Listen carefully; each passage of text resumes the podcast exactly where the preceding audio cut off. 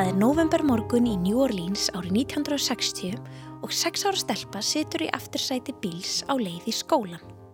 Þetta var fyrsti skóladagurinn í nýjum skóla. Hún horfir út um gluggan og veldi kannski fyrir sér hvernig nýji kennarinn hennar verði, hvernig skólastofan líti út eða hvort hún verði fljótað eignast nýja vini. Þegar bílinn nálgast William Frans grunnskólan þarf bílstjórin að hæja á sér. Því múur og markmenni hefur stilt sér upp meðfram götunni. Þau rópa og kalla. Ætli það sé kjötkveði hátíð í dag? Hverju er þetta fólk að fagna? Hvað er í gangi hérna? Hugsa Ruby Bridges og læðir lítilli hendi í höndmóður sinnar sem setur aftur í meðinni. Bílinn stöðvast og þar með hefst barátta hennar við fordóma og fullorðið fólk.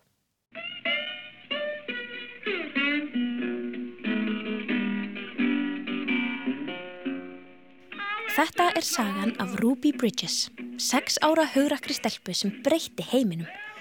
Hún varð fyrir fordómum þegar hún var fyrsta svarta barnið til að ganga í skóla sem hefði áður bara verið fyrir hvít börn. Orðið fordómar þýðir að dæma án þess að þekka. Dregnar eru upp einfaldar myndir af hópum eða þjóðum, svo kallar staðalmyndir. Fólk er svo metið út frá þessum staðalmyndum sem oftast eru neikvæðar. Fullorðið fólk sem var svo blindað af eigin fordómum og hatri ætlaði að banna Rúbi að mæta í skólan. En hún let það ekki stoppa sig. Á þessum tíma var bandarist samfélag mjög stjættaskipt en það þýðir að fólk skiptist í mismunandi stjættir eftir því hversu ríkt eða fátækt það var. Það sem skipti fólk líka í stjættir var kynþáttur þeirra litur húðarinnar og hver upprunni fólks var. Samfélagið hafði fest í sessi ósangjarnar stjættaskiptingu þar sem svartir fengu ekki sömu tækifæri og hvítir til að menta sig, fá góða vinnu eða búa þar sem þeir vildu. Þessi stefna kallaðist aðskilnaðar stefna.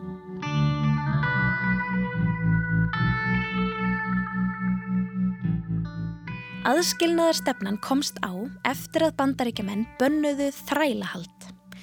Þrælahaldið einkendist mest megnis af því að ríkt hvít fólk létt fátækt svart fólk vinna fyrir sig án þess að borga þeim laun. Þegar þrælahald var bannað vildi hvíta fólki finna leið til þess að halda svörtu fólki frá sínu daglega lífi vegna þess að það hafði alist upp við að halda að svart fólk væri ekki jafn fínt eða gott fólk og það sjálft. Svona hugsun er í dag kallið kynþáttafordómar. Aðskilnaðastefnan virkaði þannig að svörtu fólki var viljandi haldið frá hvítu fólki. Og sumstaðar, til dæmis í Suðuríkjónum þar sem þessi saga gerist, var það í lögum að svartir mættu ekki búa í sömu hverfum og hvítir, ganga í sömu skóla, versla í sömu búðum eða sitja í sömu strætóum. Samfélagið var svart hvít.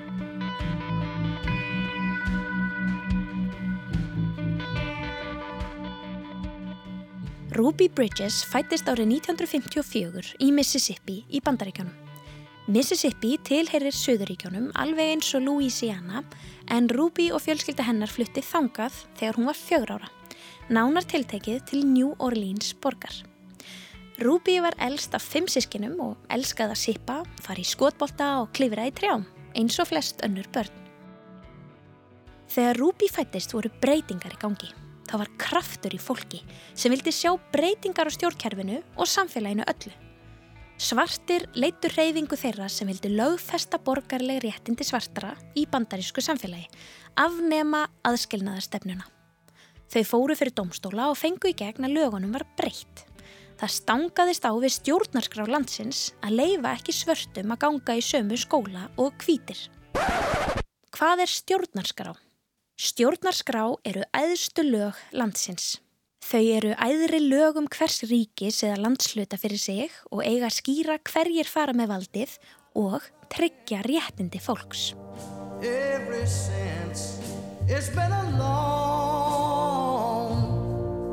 A long time coming but I know a change gonna come Oh yes it will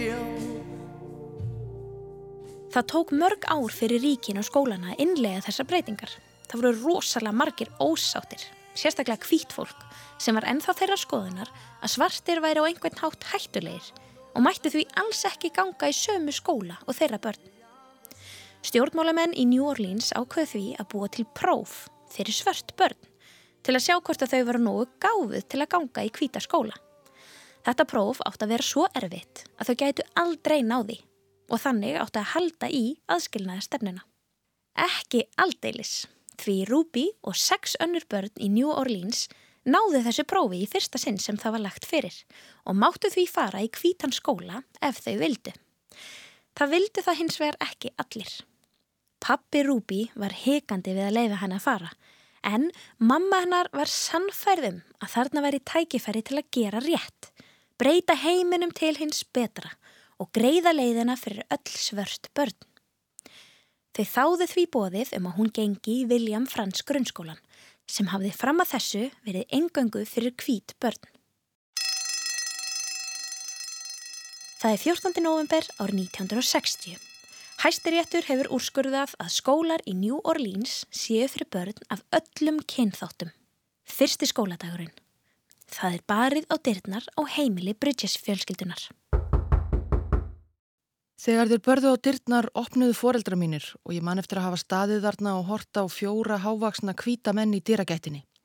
Ég man að þeir sögðust vera allríkis lauruglumenn. Fórsetin senda okkur til þess að fylgja þér og dótið þinni í skólan í dag. Ég satt í aftursæti bílsins þeirra og við kyrðum þessa stuttu leið í skólan. Um leið og þeir begðu fyrir hortnið sá ég það sem ég held að væri kjöttkvæðju hátíðarhöld. Það var múur og markmenni sem stóð úti á miðri göttunni. Þau öskruðu, própuðu og hendu hlutum í áttinað okkur. Bílhurðin opnaðist, lauruglmaður greipi í höndin á mér og ég man að þeir sögðu Rúbi, lappaðu beint áfram og ekki líta um auksl. Um leið og Rúbi gekkin í skólan urðu margir foreldrar kvítra barna alveg brjálaðir og tóku börnin sín úr skólanum. Þau neituðu að senda börnin í skólan og meðan svart barn væri þar á meðal. Það voru mótmæli á hverjum degi. Mæður öskruðu, feður hótuðu öllu yllu, mótmælaspjöldum var veifað og sumir gengur svo langt að hóta að eitra fyrir Rúbi. Á hverjum degi fekk hún lögreglufyllt í skólan.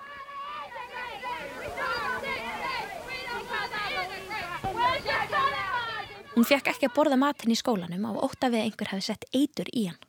Hún mátti bara borða nestið heimann. Mamma hennar bað til Guðs allan daginn á meðan hún var í skólanum. Hún síndi mikið hugur ekki. Hún greitt aldrei, hún kvenkaði sér aldrei, hún marseraði bara áfram eins og lítill hermaður og vorum öll mjög stolt af henni. Fyrstu dagana var glundróði í skólanum. Engin kennari vildi hafa Rúbi í bekknum sínum og fá börn mættu í skólan. Sumir fóreldrar brutu sér þó leiði gegnum æstan múin og sendu börnin sín í skólan því það var ju réttur barnana að menta sig. Með tímanum fór fólk að tínast úr mótmælindahópnum og sömur fóreldrar sáu að þarna var ekkert að óttast. Eitt og eitt barn snýri aftur í skólan. En hver átti að kenna Rúbi? Jú, Barbara Henry, ung kona sem sá ekkert nema saklaust barn sem vildi læra. Í meira en heilt ár kendi hún Rúbi einni. Það var ekkert annað barn í beknumennar. Staðrendin var svo að manneskjan sem tók á móti mér á hverjum degi var hvít kona sem leitt nákvæmlega eins út og fólkið sem mótmælti fyrir utan. Ég áttaði mig á því að hún leitt út eins og þau en hún var ekki eins og þau. Hún síndi mér hjartað sitt, hún gerði skólan skemmtilegan.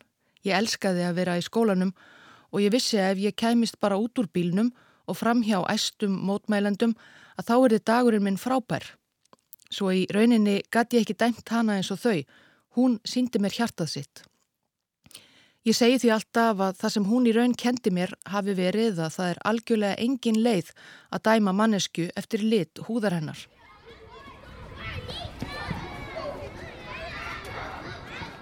Með tíð og tíma fór Rúbi að blanda geði við önnur börn í skólan.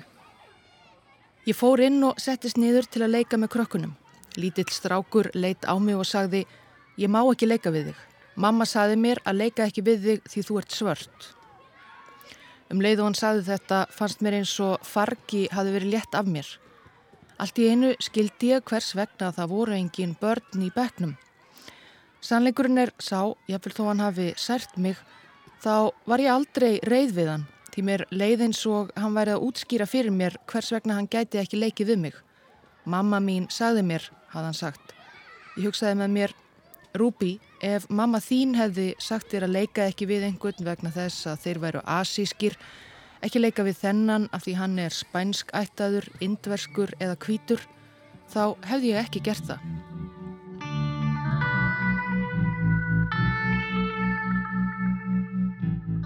Fjölskylda Rúbi fann harkalega fyrir afleggingum þess að synda á móti strömmnum. Samfélagið var ennþá litað af kynþáttafordómum. Pappi hennar misti vinnuna á bensinstöðinni, þeim var bannaði vestla í búðinni, amma hennar og afi voru rekin burt af landinu sínu og foreldra Rúbi skildu.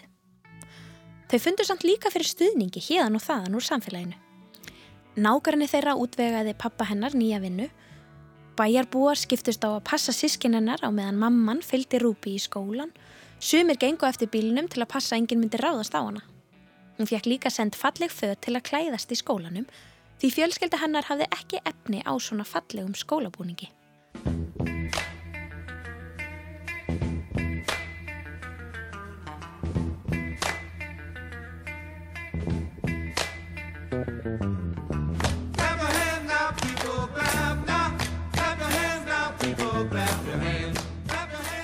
Rúbi hjælt áfram skólagöngunni og í dag heldur hún fyrirlestra, skrifar, gerir allt sem hún getur til að hjálpa öllum börnum að sækja skóla og vinna gegn kynþáttafordómum og hatri. Hún trúir því statt og stöðugt að allir eigi rétt á mentun, sama hvaðan þeir koma og hvernig húð þeirra er á litin. Rúbi er aktivisti og hefur blásið baráttu anda í brjóst miljóna út um allan heim. Hvað haldið þið að hún sé gömul í dag? Hún er 66 ára sem þýðir að hún gæti verið jafn gömul og ammaðinn eða afi.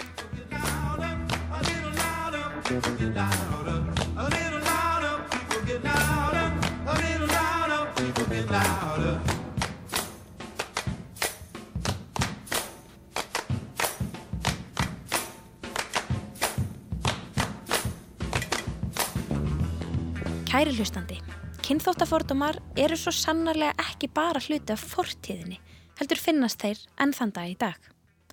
Í rauninni finnast allskynns fordómar í heiminum. En fordómar eru einmitt bara það, fordómar. Við dæmum áður en við kynnumst fólki. En er ekki sangjarnara að gefa fólki tækifæri til að sína okkur hjartað sitt áður en við ákveðum hvað okkur finnst um það? Það þarf stöðugt að vera á varðbergi, sína áræðinni, hafa opin hug og opi hjarta til að yfirstíga hverskins fordóma sem við gætum fundið fyrir sjálf eða orðið vittni að hjá öðrum. Við þurfum öll að vera hugrökk, eins og Ruby Bridges. Our babies don't come into the world knowing anything about racism or disliking someone because of the color of their skin. It is learned behavior and I believe that if it can be taught, it can be taught not not to be that way. Kynþáttahattur er fullorðins sjúkdómur og við þurfum að hætta að láta börnin okkar dreifa honum.